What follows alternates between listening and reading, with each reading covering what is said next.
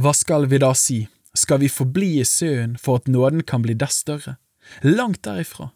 Vi som er døde fra søen, hvordan skulle vi ennå leve i den? Eller vet dere ikke at alle vi som ble døpt til Kristus Jesus, ble døpt til hans død? Vi ble altså begravet med ham ved dåpen til døden, for at like som Kristus ble reist opp fra de døde ved Faderens herlighet, så skal også vi vandre i et nytt liv. For er vi blitt forenet med ham ved en død som er lik hans død, så skal vi også bli det ved en oppstandelse som er lik hans oppstandelse. Vi vet at vårt gamle menneske ble korsfestet med ham for at syndelegemet skulle bli tilintetgjort, så vi ikke lenger skal være slaver under synd. For den som er død, er rettferdiggjort fra synd. Men døde vi med Kristus, da tror vi at vi også skal leve med ham.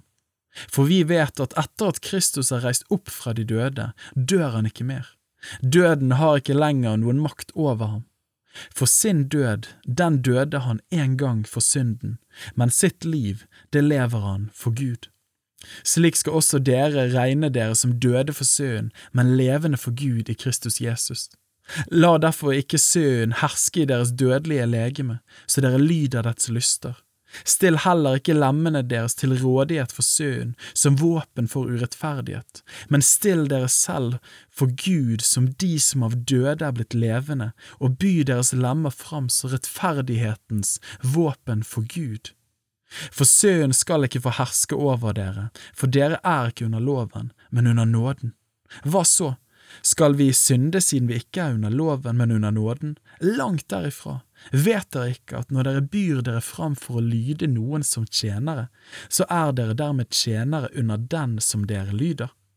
Dere blir enten tjenere under synden til død, eller under lydigheten til rettferdighet. Men Gud være takk at dere som var syndens tjenere, av hjertet er blitt lydige mot den læreform dere er overgitt til og når dere nå er frigjort fra synden, er dere blitt tjenere for rettferdigheten.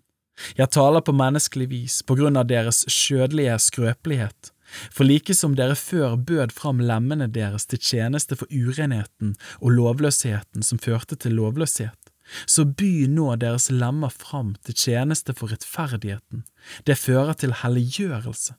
For da dere var syndens tjenere, var dere fri fra rettferdigheten. Hva slags frukt høstet dere så den gangen?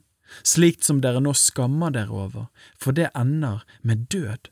Men nå, når dere er frigjort fra synden og er blitt tjenere for Gud, har dere helliggjørelse som frukt, og til slutt evig liv. For syndens lønn er døden, men Guds nådegave er evig liv i Kristus Jesus, vår Herre.